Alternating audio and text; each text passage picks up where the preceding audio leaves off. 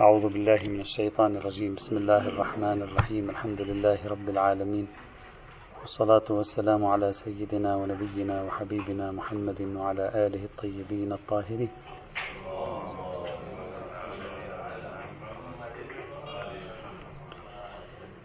ما نزال نتكلم بالقاعدة الأولى من القواعد المساعدة على التعامل مع العلة وهي قاعدة تنقيح المناط.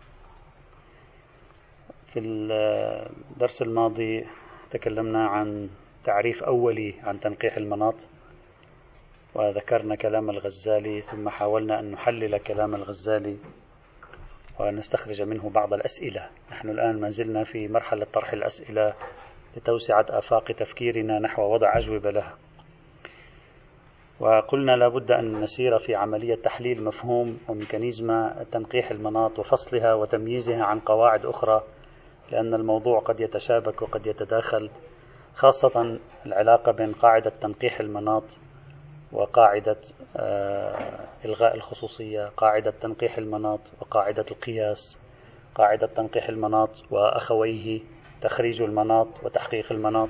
هذه القواعد كلها لابد أن نحللها نفهمها بشكل معمق لأننا في بعض الأحيان قد نستخدم هذه القواعد في الكلام في مكان خاطئ على الأقل على بعض المعاني وعلى بعض المباني كما سنرى إن شاء الله.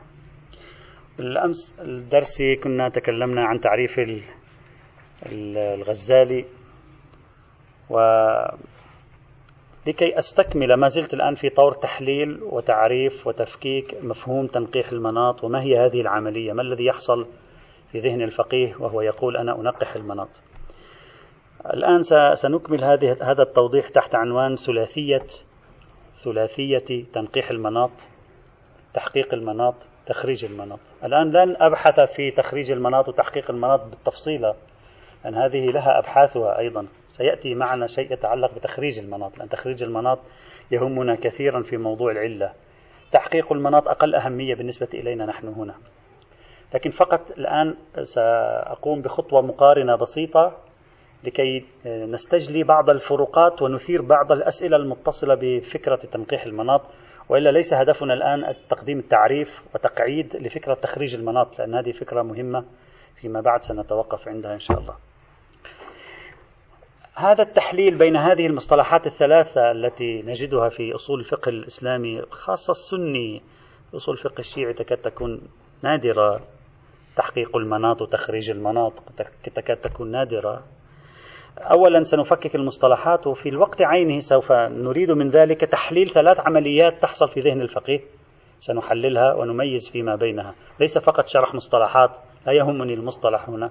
يهمني تحليل وجود ثلاث عمليات أنشطة اجتهادية يقوم بها الفقيه. نريد أن نميزها عن بعضها بعضا. ونحن في سياق تعريف تنقيح المناط. ما نزال في هذا السياق. سأشرع هنا من جملة صغيرة قالها الرازي في كتاب المحصول لكي نبدأ بعملية التحليل. الرازي قال اعلم أن الجمع بين الأصل والفرع. الجمع في الحكم بين الأصل والفرع في باب القياس. تارة يكون بإلغاء الفارق والغزالي يسميه تنقيح المناط. الغزالي يسمي إلغاء الفارق تنقيح المناط كما ذكرنا بالأمس. والغزالي يقرب كثيرا فكرة تنقيح المناط من فكرة إلغاء الخصوصية وهذا سيتضح جليا فيما بعد. وتارة باستخراج الجامع يعني تارة عملية التقريب بين الأصل والفرع في القياس تكون بإلغاء الفارق وأخرى باستخراج الجامع يعني تارة عملية سلبية كما سميناها بالأمس وأخرى عملية إيجابية. نستخرج الجامع بين الاثنين. وها هنا لا بد من بيان أن الحكم في الأصل معلل بكذا ثم من بيان وجود ذلك المعنى في الفرع. طيب. لا بد من بيان أن الحكم في الأصل في الأصل معلل بكذا. قال والغزالي يسمي الأول تخريج المناط. ثم من بيان وجود ذلك المعنى في الفرع قال والثاني تحقيق المناط. صار عندنا ثلاث مصطلحات الآن. وفق تفسير الغزالي ووفق التحليل الرازي. أولا تنقيح المناط إلغاء الفوارق بين الأصل والفرع العلل الوهمية نلغيها. ثانيا تخريج المناط استكشاف العلة التي دار الحكم مدارها. هذا يسمونه تخريج المناط أنت الآن ستتفاجأ لأنك الآن أنت كنت تتوقع ماذا؟ تتوقع تنقيح المناط هو اكتشاف العلة. صحيح؟ وهذا تنقيح المناط. لا الآن بدأ يظهر في ذهننا صورة جديدة عملية جديدة مختلفة. تنقيح المناط ليس اكتشاف الجامع وفق كلام الرازي والغزالي. ليس الكشف عن العلة. حذف الفوارق بين الأصل والفرع بعد معرفة العلة. حذف الفوارق بين الأصل والفرع بعد معرفة العلة حسب آه، ادعائه. أما تحقيق المناط عرفنا العلة؟ الآن نريد أن نتأكد هذه العلة موجودة في الفرع أو لا؟ كيف نتثبت أن العلة موجودة في الفرع؟ لا. هذا له آليات وله طرق أيضا حتى بعضهم أوصلها إلى على ما في بالي يعني أو سبع ثمان أو تسع طرق أيضا. كيفية إثبات وجود العلة في مصادق جديدة لم يتعرض لها النص. يبدو هنا من خلال النص الرازي هنا الذي يكشف فيه عن موقف الغزالي أن كل آلية اجتهادية تعتمد على إلغاء الخصوصية فنحن نعتبرها زائف إلغاء الخصوصية الزائفة والوهمية. يعني هذه خصوصية محذوفة لا يدور الحكم مدارها فهو تنقيح مناط. وكل محاولة لاكتشاف العلة بعيدا عن الخصوصيات الزائفة فهو تخريج المناط. وكل محاولة لتطبيق العلة في مورد جديد في فرد جديد بعد اكتشاف العلة وحذف الزوائد فهو تحقيق المناط. عندنا ثلاث مصطلحات الآن بصورة أولية تعريفها. تنقيح المناط تخريج المناط. يعني إذا أردنا أن نحلل كلام الغزالي والرازي لازم نبدأ بتخريج المناط.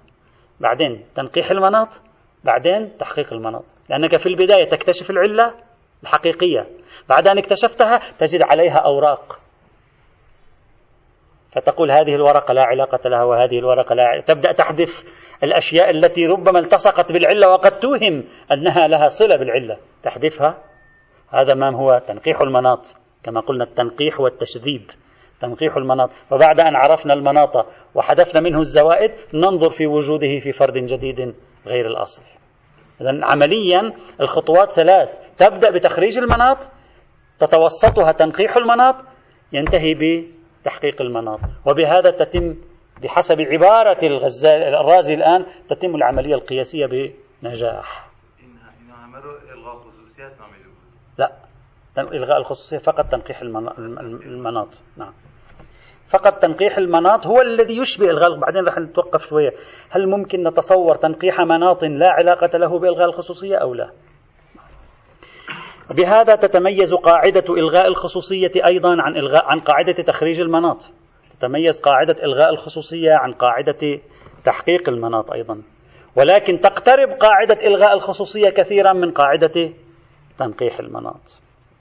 وهذا طبيعي لأن إلغاء الخصوصية من كلمة إلغاء منسجمة مع كلمة تنقيح.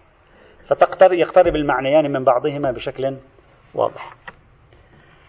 الآمدي يعطينا نصا أكثر عمقا ووضوحا. الآن بعد شوي رح نشوف بعد قليل سنرى. حنستخدم العامية شوي أحيانا. بعد قليل سنرى لعل هل توجد مشكلة هل تنقيح المناط له علاقة بالقياس أصلا أو خارج القياس كليا. وسنرى القضية فيها التباسات ليست بهذا الوضوح الذي نتصوره للموضوع. الآن سأمهد بنص الآمدي. الآمدي ماذا يقول؟ يقول أما تخريج المناط فهو النظر والاجتهاد في إثبات علة الحكم.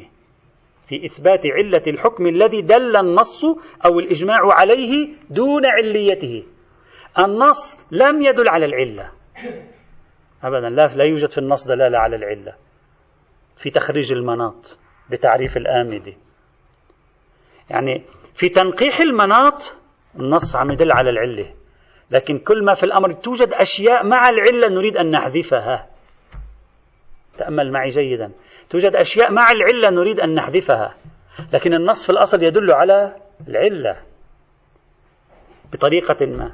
أما في تخريج المناط على تعريف الآمدي النص أصلا لا يدل على علة. ما في شيء في ما في علة بالنص. أنا الآن النص الذي دل على الحكم أريد بالاجتهاد والاستنباط. أريد بالتأمل والتحليل أن أستخرج العلة. هذا تخريج المناط. وهو منسجم مع الكلمة تخريج. إخراج الشيء من مكان. استنباط. بهذا المعنى. لاحظ عبارته. فهو النظر والإجتهاد في إثبات علة الحكم الذي دل النص أو الإجماع عليه على الحكم دون عليته. النص لم يدل على العلة إطلاقا.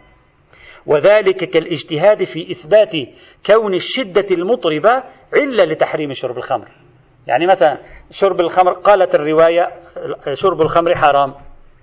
فأنا آتي الآن لم تقل العلة ما في علة هنا أصلا. أنا الآن أتي أحلل أقول العلة في صب حكم الحرمة على شرب الخمر هو الشدة المطربة. يعني هذه الحدة الموجودة في الخمر التي تؤدي إلى طرب الإنسان وتمايله وعدم ضبطه لحركاته. يقول هذا هو العلة. هذا القول هو تكهن استنباط تخريج. لكن النص لم يتكلم عن العلة في شيء إطلاقا. هذا وين؟ هذا في تخريج المناط.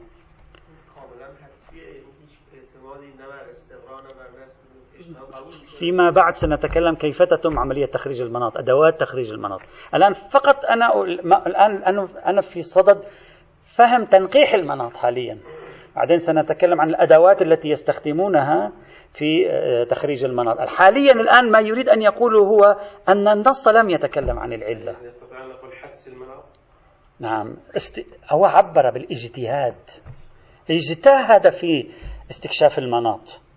بينما في تنقيح المناط أنت لا تجتهد في استكشاف المناط. أنت تجتهد في حذف مناطات زائفة وهمية قد تضللك قد تجعل ما ليس بمناط مناطا. أما هنا لا أنت تريد أن تضع يدك على المناط.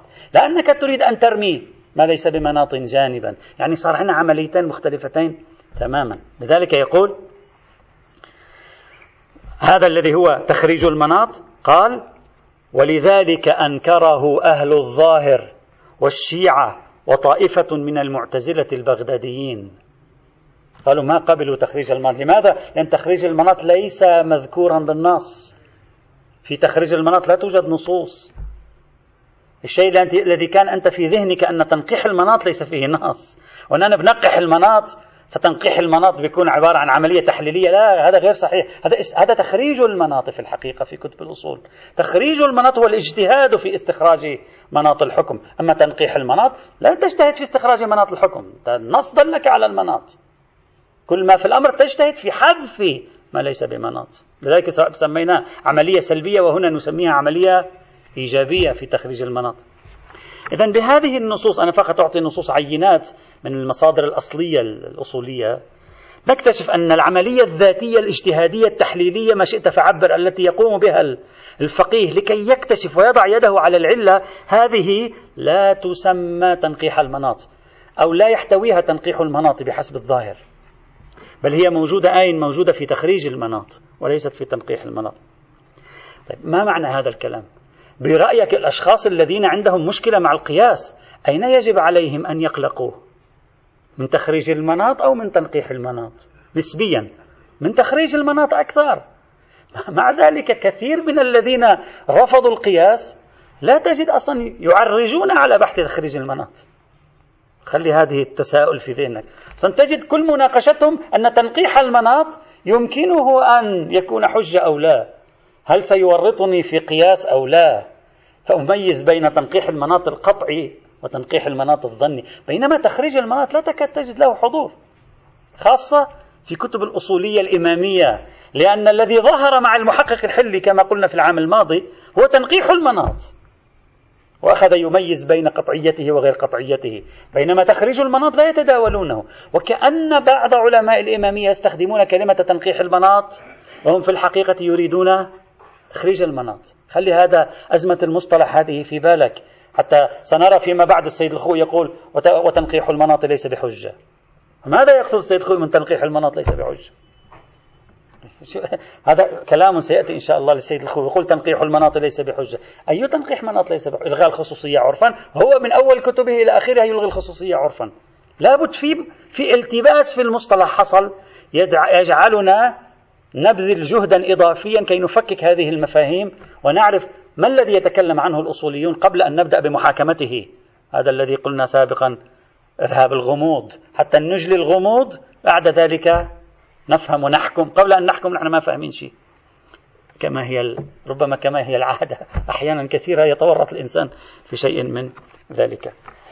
طيب ممتاز. إذا الذي ينبغي أن يقلق الذي يرفض القياس ينبغي أن يقلق من تخريج المناط أكثر من أن يقلق من تنقيح المناط كما هو. لذلك تشوف الزركشي وهو يشرح مسالك العلة ماذا قال؟ قال الخامس في إثبات العلية بالمناسبة. هذا إثبات العلية بالمناسبة هو تخريج المناط شكله شكل تخريج المناط. يقول وهي من الطرق المعقولة. ليست المنصوصة معقول مقابل منصوص. ويعبر عنها بالإخالة وبالمصلحة. وبالاستدلال وبرعاية المقاصد ويسمى استخراجها تخريج المناط. لأنه إبداء مناط الحكم أي إظهار المناط. ما بيكون ظاهر المناط. أنت تقوم بإظهاره بواسطة الاجتهاد. وهي ما هي التي هي؟ إثبات العلية بالمناسبة التي يقوم بها تخريج المناط. هي عمدة كتاب القياس. يعني يعني لب لباب القياس أين؟ في تخريج المناط. اللي هو تعبير آخر عن إثبات العلية بالمناسبة. كما سأشرح ما معنى يعني ما معنى فكرة إثبات العلية بالمناسبة وربطها بتخريج المناط لذلك يقول وهي عمدة كتاب القياس وغمرته ومحل غموضه ووضوحه وهو تعيين العلة بمجرد إبداء المناسبة. ما معنى هذا الكلام؟ معنى ذلك أنني آه، عندما أتكلم عن تنقيح المناط ظن قطع إلى آخره الذي يمكن أن يكون ظنا أكثر هو تخريج المناط. لأن ما في يدي وثائق حسب الفرض الآن وأنا أمارس عملية الإسلام لأنها معقولة وليست منصوصة ليس عندي أدلة عندي تحليلات ذهنية. في وهنا يكون في استنساب هنا تدخل الاستنسابية في كثير من الأحيان. نتورط في تحليل نسبي. كل واحد يربط الحكم بعلة ليس لها وجود في النصوص. هذا يتكهن بهذه العلة وذاك يتكهن بعلة أخرى ولا وجود في النصوص لعلل. وتبدأ ورطة القياس. تبدأ مشكلة القياس تظهر أكثر فأكثر. أين؟ في تخريج المناط. وليس في تنقيح المناط. هذه أيضا مهمة ينبغي الالتفات إليها. من هنا من هنا ابن تيمية نجده يفصل بحث تنقيح المناط عن موضوع القياس. يعني يقول تنقيح المناط هذا الذي في ذهننا لا علاقة له بالقياس. الذي له علاقة بالقياس تخريج المناط. فلا تخلط بين المفاهيم وبين الآليات الاجتهادية التي نبحث عنها. هنا. تخريج المناط هو الذي يحتاج إلى حجية القياس كي يتم. تنقيح المناط لا يحتاج إلى كبرى حجية القياس حتى يتم تنقيح المناط لأن آليات تنقيح المناط ليست قياسية. وبعدين نحن سوف نتوقف عند عنوان العلاقة بين تنقيح المناط والقياس. لأن في اتجاهات أيضا في شبكة العلاقة بين تنقيح المناط والقياس. طيب إذا حتى الآن ما الذي أريد أن أقول؟ أريد أن أقول الشيء الذي في أذهان كثير منا نحن كطلبة علوم دينية في الحوزات العلمية أن تنقيح المناط هو اكتشاف العلة ووضع اليد عليها بالتأمل والاجتهاد والنظر العقلي هذا في اصطلاح كثيرين من علماء أهل السنة. خلي خط تحت كثيرين. كثيرين من علماء أهل السنة ليس تنقيح المناط. لا علاقة له بتنقيح المناط. هذا اسمه تخريج المناط. هذا هو الذي له ربط بالقياس. أما تنقيح المناط عند كثيرين ليس له ربط بالقياس. بينما نحن دائما نخشى تنقيح المناط لما في كونه يورطنا في مهلكة قياس بينما نجد الآن أن التراث الأصول الإسلامي يفصل تماما بين معضلة القياس وبين قضية تنقيح المناط ويربط تماما بين قضية القياس وبين قضية تخريج المناط. إذا هذا كله يدعونا إلى أن نزيل الغبار المتراكم عن هذه المفردات وهذه المصطلحات وهذه المفاهيم حتى فيما بعد عندما نعطي رأينا في الموضوع نستجليه ونحلله ونفككه بطريقة دقيقة. بهذه العملية التي قلتها في موضوع تنقيح المناط وتخريج المناط وعلاقة الاثنين بالقياس يظهر لنا كلام الميرزا النائيني أيضا. ميرزا النائيني أيضا ذكر كلاما في غاية الأهمية يعزز مجمل هذه التركيبة التي نقول. حين قال قال الشارع هذا النص سيأتي معنا فيما بعد لأنه مهم جدا في بحث القياس سيأتي. الشارع قرر العقلاء على الأخذ بها على الأخذ بالطرق والأمارات ولم يردع عنها لعدم ما يقتضي الردع عنها كما ردع عن القياس مع أنه من هو؟ لأنه القياس من الطرق العقلائية. ميرزا النهيني طبعا هذه مشكلة. سيستاني يصر على أن القياس ليس بسبيل عقلائي أصلا. بينما الميرزا النائيني في هذه العبارة شديدة الأهمية يعتبر القياس طريق عقلائي. كل القياس طريق عقلائي لاكتشاف الأحكام. ليس طريق غير عقلائي. تتفكر أنه عبارة عن ضرب من الجنون؟ لا ليس ضرب من الجنون القياس. طريق عقلائي طبيعي. غاية الأمر أن الشريعة ردعت عنه. وكان بإمكان الشريعة أن تؤيده. الآن لماذا الشريعة ردعت عنه؟ لاحظ ماذا يقول. يقول مع أنه من الطرق العقلائية ويعتمدون عليه في مقاصدهم الدنيوية إلا أن الشارع ردع عنه في الأمور الدينية. ليش؟ لأن القياس مبني على استخراج المناط. مش تنقيح المناط استخراج استخدم مفردة استخراج المناط. فعلا المسلك الخامس من مسالك العلة اللي هو عبارة عن التعليل بالمناسبة قائم على تخريج المناط وهو أهم مسلك في نظرية القياس. وذلك لا يخلو عن إعمال نظر واجتهاد. استخراج المناط. لا يخلو عن إعمال نظر واجتهاد. وهو في الموضوعات الخارجية قليل الخطأ. يقول استخراج المناطات في الأمور الدنيوية خطأه قليل. يعني ما معنى خطأه قليل؟ يعني من الإنسان في قضايا الحياة إذا استخدم نظرية تخريج المناط في تعامل الناس مع بعضها لا يكون قد حاد عن الصواب. فإنه في النسبة الغالبة مصيب في قضايا الحياة بين الناس والعلاقات بين الناس. تخريج المناط ليس بدعة ليس شيئا غريب عن النمط العقلائي هو أصلا تفكير عقلائي. يقول وهو في الموضوعات الخارجية قليل الخطأ لأن غالب الأمور الخارجية المتشابه تحت جامع واحد وكانت مناطاتها بعيد العقلاء فإعمال النظر وتخريج المناط لا يضر بمقاصدهم. وهذا بخلاف الأحكام الشرعية فإن مناطاتها ليست مما تنالها الأفهام لأن مبنى الشرع على تفريق المجتمعات وجمع المتفرقات. ما معنى ذلك؟ معنى أن الذي يجعل المولى سبحانه وتعالى يرفض القياس بشدة. لا أن القياس ليس طريق عقلائي وليس طريق في حد نفسه سليم. لا لأن تخريج المناط الذي يبنى عليه القياس ليس طريقا عقلائيا بالعكس طريق عقلائي ومصيب كثيرا. غاية الأمر أن بنية الشريعة سنخ بنية لا تنسجم مع القياس. يعني هذا هو الطريق الظني الأماري الوحيد الذي لا ينسجم مع طبيعة بنية الشريعة. سائر الطرق مثل خبر الواحد والظهورات تنسجم مع بنية الشريعة. هذا كلام تحليله ليس بسيطا. يعني أبسط شيء الواحد ممكن يقول لي هذا قلناه في العام الماضي وسيأتي تحليله. قلنا أبسط شيء يقول شخص للميرزا القومي وأنت كيف عرفت أن الشريعة مبنية على جمع المتفرقات في لأنك رفضت القياس. أنت إلغي القياس الغي رفضك للقياس تعال جيب القياس وشوف لي إذا بعد الشريعة سوف تت... سوف يكثر تجميع المفترقات وتأليف ال... أو تفريق المجتمعات. هذا هذا السؤال الأساسي لكن هو يعتبرها بديهية. الآن بعدين نتوقف عنده. قال فكان القياس كثير الخطأ في الشرعيات ولذلك نهى الشارع عن إعماله. إذا ما الذي يريد أن يقول ميرزا النائيني يريد أن يقول بعيدا عن تنقيح المناط تخريج المناط هو عملية منطقية. غاية الأمر أن طبيعة الشريعة لا تنسجم مع تخريج المناط. مش أن نفس تخريج المناط هو عملية غير منطقية أو عملية غير عقلائية أو هو عملية مجنونة أو فيها ريسك ومخاطرة. لا وضعها طبيعي. لولا أن بنية الشريعة الفصل بين الشيء ولازمه والربط بين الشيء ونقيضه. لولا أن بنيتها كذلك لكان من الطبيعي أن نتوقع أن الشارع يدعو إلى العمل بالقياس ويرحب به وهذه طريقة طبيعية ومن ثم تخريج المناط يأخذ سلوكه في مثل هذه الحال. كل هذه النصوص التي قرأناها سنيا وشيعيا تؤكد لنا المفهوم التالي أن فكرة تخريج المناط ألصق بالقياس من فكرة تنقيح المناط. وأن فكرة تخريج المناط أقرب للظنية من فكرة تنقيح المناط. هذه لازم أن نعرفها. وأن علينا أن لا نخلط بين المفهومين كما يقع الخلط في ذهننا كثيرا من حيث لا نشعر بل علينا أن نميز جيدا بين مفهوم تنقيح المناط وبين مفهوم تخريج المناط في مثل هذه الحال.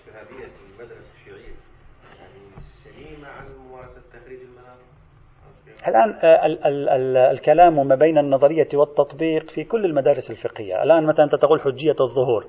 وهل كل الممارسات الاجتهادية هي ظهورات أصلا؟ يمكن واحد يقول لك عرف لا يفهم كثير.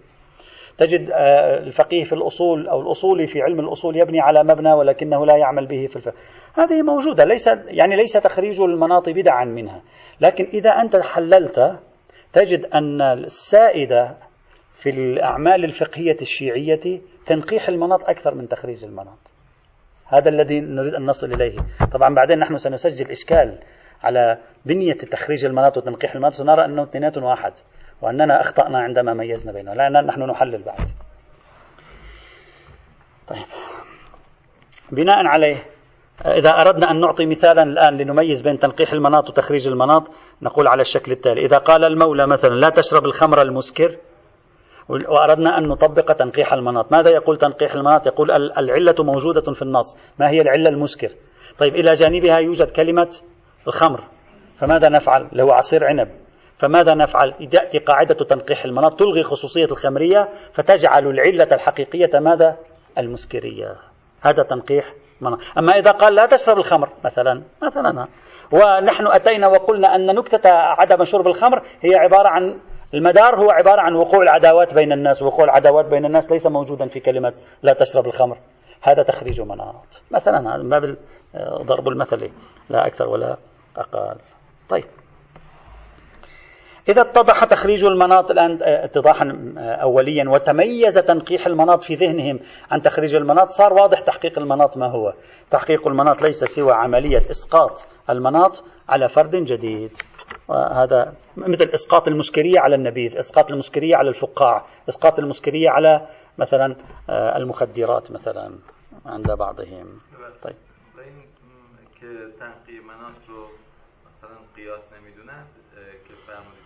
قیاس قیاس میدونن و یا شاید یه اشکالی وارد باشه این خب بالاخره قیاس ما به خاطر زنی بودنش و عملیات اطمینان عرفی نداره اینجور گفتن که مرجوه تو همین حالتی که تو تخریج منات بود تو تنقیه منات هم هست. ما نمی‌دونیم واقعا این منات این هست بل اطمینان یا بالقطع یا نه. همین کفایت می‌کنه تو قیاس خوندنش یا شباهت یا نزدیک بشه به قیاس. ما فهمت كيف كيف يعني يرتبط بالقياس ممكن تقولي ليس حجة حذفك للخمرية. لكن أن أما ما علاقته بالقياس؟ قياس قیاس اینه دیگه مقایسه میکنیم. اینی که مثلا فرض همین مثالی که فرمودید. خمری که به خاطر اسکاره خب علت مثلا تامش نیست دیگه. ما قیاس میکنیم. شاید به یه چیزی دیگه که مشكلة باشه. نعم سنتكلم بعد. هذا الذي قلته قبل قليل أنه توجد عندنا إشكالية في هذا الموضوع. طيب. إذا بناء عليه مما تقدم نكتشف أن توصيف نظرية تنقيح المناط بمفهومها المدرسي في الاجتهاد السني توصيفها بأنها من العلل من العلة المستنبطة غير دقيق لا أقل عند بعض المدارس السنية حتى الآن أنه أنت في تنقيح المناط تستنبط العلة وأن العلة المستنبطة تكون بتنقيح المناط هذه العملية غير دقيقة أنت لا تستنبط علة بتنقيح المناط أنت تستنبط علة بتخريج المناط ولا تستنبط عللا على كلامهم حتى الآن بعملية تنقيح المناط لا أكثر ولا أقل. طيب. هنا إذا أردنا نرجع الآن إلى تنقيح المناط إذا أردنا أن نحلل عملية تنقيح المناط يمكن أن نتصورها بعد أن فهمنا على أنها حذف الزوائد إلغاء الخصوصيات الموهومة يمكن أن نتصورها على شكلين حتى نرى نسبتها مع كلمة استنباط. الشكل الأول أن يقوم الفقيه باستخدام مناهج العرف واللغة لحذف خصوصيات ربما ليس عنوانا. الآن بعد أن آه، ذكرنا تمييزاتهم بين مفهوم تنقيح المناط وتخريج المناط ثم توصلنا إلى نتيجة أن فكرة العلة المستنبطة لا علاقة لها عندهم بتنقيح المناط فكرة العلة المستنبطة لها علاقة بتخريج المناط. الآن نحن سنرى تنقيح المناط ممكن أن تكون له صلة بالعلة المستنبطة أو لا. عملية تنقيح المناط هي حذف زوائد. حذف هذه العملية يمكن أن نتصورها بشكلين.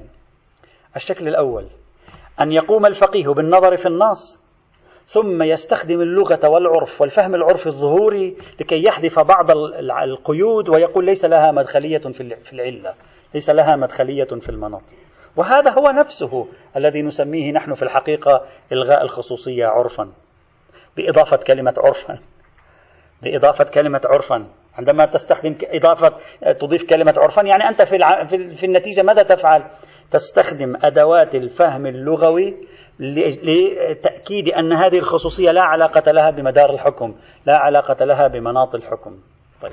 في مثل هذه الحال من الواضح أن بحث تنقيح المناط له علاقة بالعلة المنصوصة وليس له علاقة بالعلة المستنبطة. أنت في تنقيح المناط لا تستنبط علة العلة مذكورة في النص. العلة الحقيقية مذكورة في النص التي هي المسكرية. أنت في الحقيقة فقط تنفي عللية علل موهومة. وكيف تنفيها؟ تنفيها بواسطة استخدام معايير اللغة استخدام الدلالات الظهورية استخدام الفهم العرفي مثلا وما شابه ذلك. طيب إذا هذا المعنى لتنقيح المناط لا علاقة له بفكرة العلة المستنبطة. لكن يوجد عندنا معنى ثاني لتنقيح المناط أو صورة ثانية يمكن أن نتصورها لتنقيح المناط وهي أن يجي النص ويعطيني حكم نازل على عنوان معين. ثم أنا أقوم بإلغاء خصوصية هذا العنوان لا بواسطة نظام اللغة والدلالات العرفية وإنما بواسطة مفروضات قبلية مثبتة عندي في مكان ما. فأنا أمارس الاجتهاد بضم تلك المفروضات القبلية وبالإتيان بتلك المفروضات القبلية ألغي هذه الخصوصية. وإلا العرف بما هو عرف أي بما هو نظام دلالة لغوي لا يلغي تلك الخصوصية. سأعطي مثالا للتوضيح. وأرجو الانتباه. مثلا إذا جاءت آه، آه، الرواية وتكلمت عن مع هذا الأعرابي الذي جاء يسأل النبي مثال المشهور جاء يسأل النبي أنه وقع أهله في شهر رمضان قال له تفعل كذا وكذا. الآن نحن كيف نلغي أعرابية الأعرابي على أن تكون خصوصية؟ في عندنا حالتين إما نلغيها بواسطة نظام اللغة. اللغة هون شو شو على ماذا؟ اللغة العرف أي عرف؟ العرف اللغوي نتكلم أي عرف؟ أعرابي أعرابي في اللغة. فعن أي عرف تتكلم؟ أنت الذي جعلك في الحقيقة تحذف خصوصية الأعراب من أن يكون يدور الحكم مدارها أنت في الحقيقة الذي دفعك هو قاعدة الاشتراك قاعدة اشتراك الأحكام بين جميع الناس إلى يوم القيامة. لولا هذه القاعدة ثابتة عندك كمفروض قبلي مبرهن عليه في أدلة قاعدة الاشتراك في القواعد الفقهية في في الشريعة. لولا ذلك ما تستطيع أن تقول هذا الحكم يسري لغير الأعرابي كيف تدري أنت يسري غير الأعرابي شو يدريك؟ لعله فقط خاص بالأعرابي هنا أنت في الحقيقة لو تأملت معي قليلا لا تستخدم نظام لغوي. اللغة لغة. أنت لا تستخدم نظام لغوي. أنت في حقيقة الأمر تستخدم مجموعة من المصادرات القبلية من المفروضات القبلية المبرهنة في مكان ثان وتجعلها كبرى قياس. وعلى أساس ذلك تلغي خصوصية الأعرابي. وإلا العرف لو كان في ذهنه لا يرى أبدا أي شيء يثبت له قاعدة الاشتراك. يعني لو قلت له أن النبي محمد صلى الله عليه وآله وسلم جاء فقط لأهل زمانه. فقط جاء لأهل زمانه.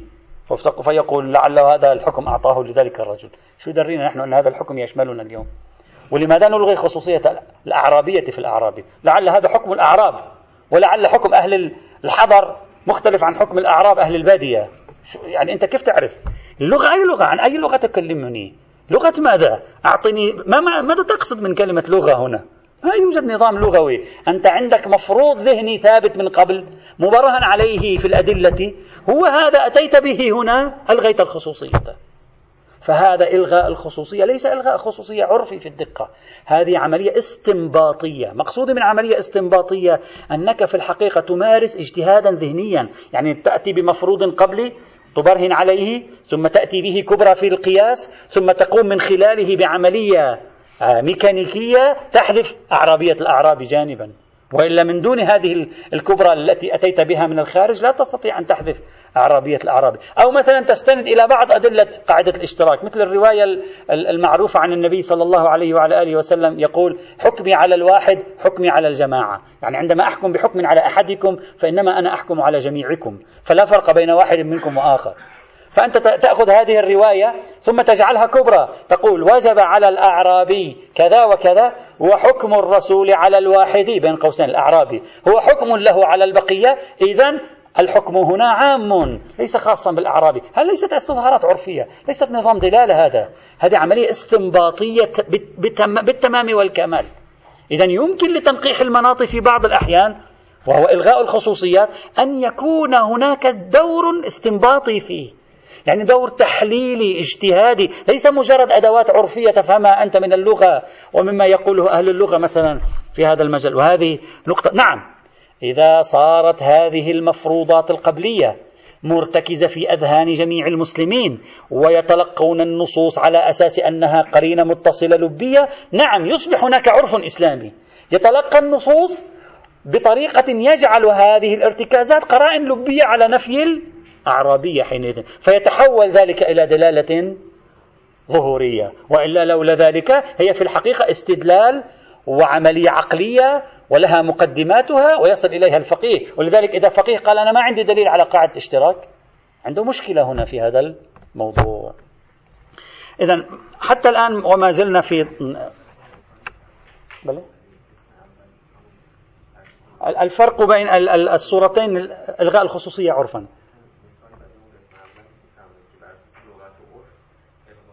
عادة كل الأمثلة التي يذكرونها يعتبرونها إلغاء الخصوصية عرفا مثلا يقول له مثلا جاءت نجاسة على يدي. سقطت قطرات من البول على يدي. ماذا أفعل؟ قال تصب عليها بالماء القليل مرتين. فيقول لا خصوصية لليد.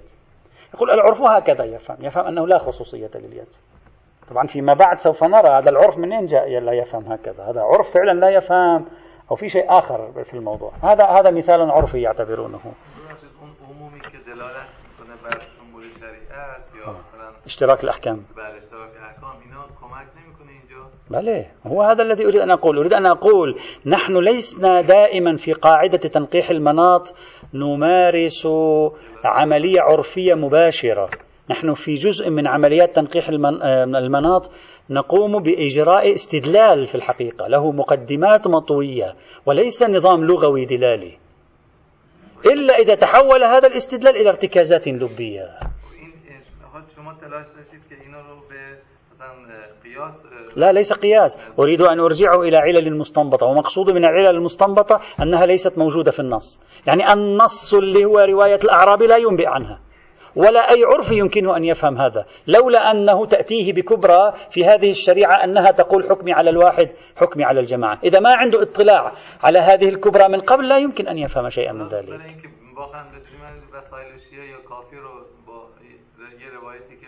مخاطبه قرار داده امام صادق رسول الله با یک سائلی یا پیغمبر صلی الله علیه و با یه عربی. با یه عرف بی هم که باز می‌کنه مثلا خب. باز می‌کنه. بعد یا همین استفتاحات شرعیه که آدمای کم سواد مراجعه می‌کنن. تا یکی سوال کرد آقا من می‌خوام فلانجا برم اینو بعد نمازم شد این میفهمه فوری میفهمه حکم خودش داخلش هذا لأن هذا لأن لأن قاعدة الاشتراك صارت في الحقيقة ارتكازات لبية في أذهاننا. این یعنی شما اونجوری تلاش کردید که اینجوری شده برعکس بر این برای اینکه مشترک نباشه آدم باید دلیل بیاره. لا العكس تماما شخص يسأله أعرابي يسأله يقول له أنت حكمك هكذا. لا تفهم ذلك لأنك راسخ في ذهنك أن النبي يتكلم إلى جميع الناس إلى يوم القيامة. ولأنه علموه هكذا. علموه هكذا. كما أقول لك علموه. هذا الآدم الذي بسواد الذي يقول أنا أفهم من ذلك وهذا يخاطبني. هناك آدم باسواد وهو المحقق القمي يقول هذه الآيات والروايات لا تخاطبني. هذا في آدم باسواد يقول ذلك؟ بناء على التمييز؟ لا يوجد. لكن المحقق القمي بناء على نظرة معمقة يقول هذه الخطابات لا, لا تشملني. لكن أحكامها تشملني. كيف؟ بقاعدة الاشتراك. لولا وجود قاعدة الاشتراك ثق مولانا لولا وجود قاعدة الاشتراك في الأحكام عند المحقق القمي 90% من هذه الأحكام لا يستطيع المحقق القمي أن يتأكد من أنها تشملنا أو لا تشملنا أصلا. يقول الخطابات لا تشملنا ويتكلم مع شخص في ذلك الزمان. أنا لماذا تشملني؟ لا يخاطبني. نعم علمت بقاعدة الاشتراك. أن ما حكم به على ذاك حكم به علي. ولولا قاعدة الاشتراك ما في شيء يمكن أن يثبت أنها تشمل. هذا الذي أريد أن أكده. أن رؤية المحقق القمي أدق. يعني نحن في مقدمة مستنبطة اجتهادية وصلنا إليها هي التي تقوم بعملية التعرية. هذه إلغاء الخصوصيات في كثير من الموارد. طبعا ليس في كل الموارد في في جملة من الموارد أقول. ولولاها أنت ما تستطيع أن تجري هذه أنت استأنست تعودت على هذه الإلغاءات للخصوصيات لأنه مركوز في أذهاننا مجموعة من المقدمات مبرهن عليها. لكن إذا إجا شخص وقال أنا ما عندي دليل على هذا مشكلة حينئذ. طيب. هذه الصورة التي قدمناها من خلال تحليل كلماتهم ومواقفهم أو كلمات بعضهم على الأقل حتى الآن بعد الرحلة جاي في طريقنا يمكن أن نسجل عليها ملاحظة بنيوية شاملة تبطل وجود فرق أبدا ما بين تنقيح المناطق وتخريج المناطق. كله استنباطي كله استنباطي وكله له دور في اكتشاف العلة أو كله له دور في إلغاء ما ليس بعلة. حاصل هذه الإشكالية التي نريد أن نتأمل فيها. أنك قلت لي قلت لي أن تخريج المناط هو استنباط العلة غير الموجودة في النص. بينما تنقيح المناط العلة موجودة في النص وأنا أحذف ما ليس بعلة حتى تنجلي أكثر ولا هي موجودة في النص. مثلا تقول لي لا تشرب الخمر المسكر؟ آه، بقاعدة تنقيح المناط نحذف الخمرية؟ نثبت المسكرية. المسكرية موجودة والخمرية موجودة فأنا بتنقيح المناط أحذف واحدة تتثبت الثانية. فهو هناك نص على العلة أصلا. كما يقول الآمدي أصلا في تنقيح المناط منصوص العلة هنا.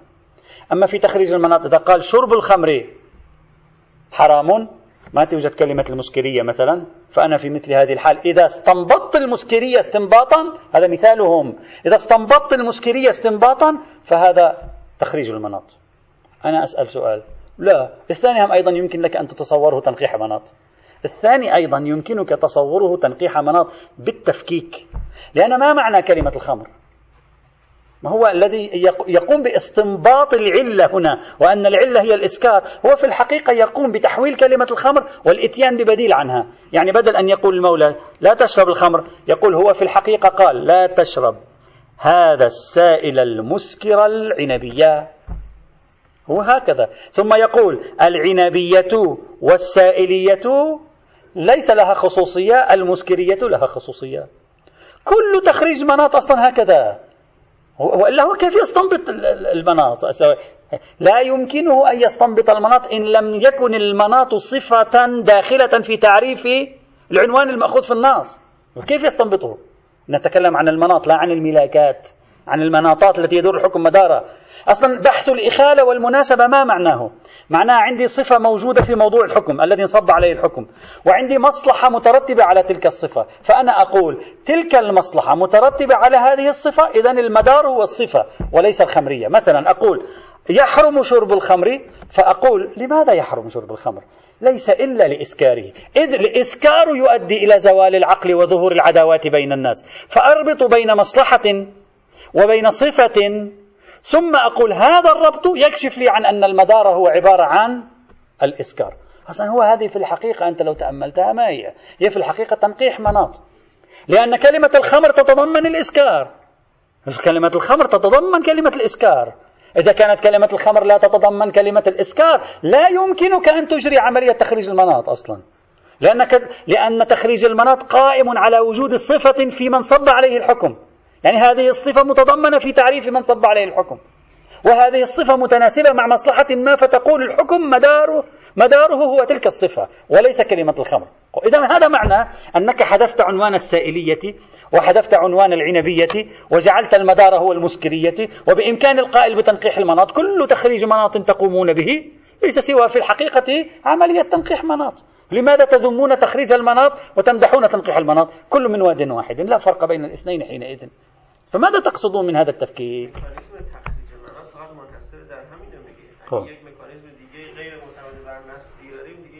هذا ليس معتمد هذا الذي أقوله ليس معتمدا على النص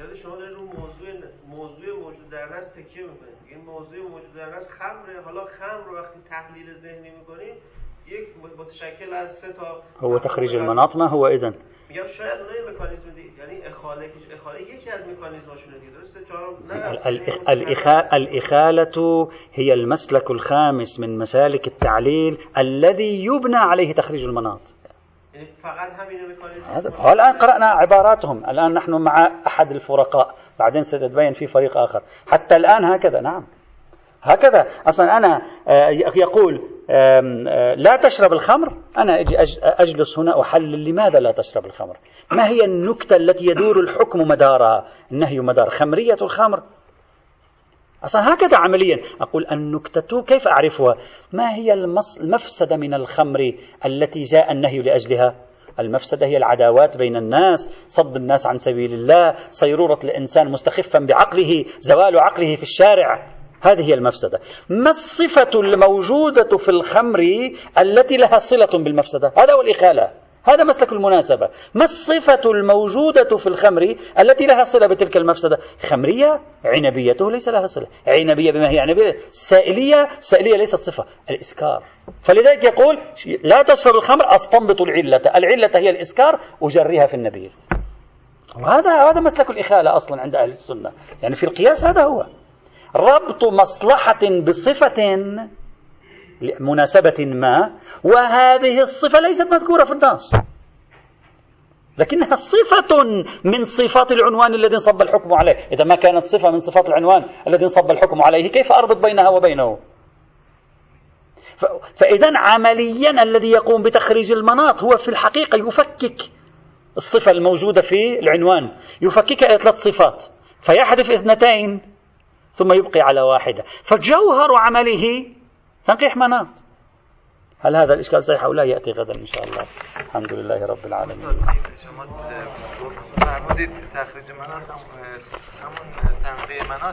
ها بعد ما قلنا شيء بعدنا في رحلة طويلة بعد.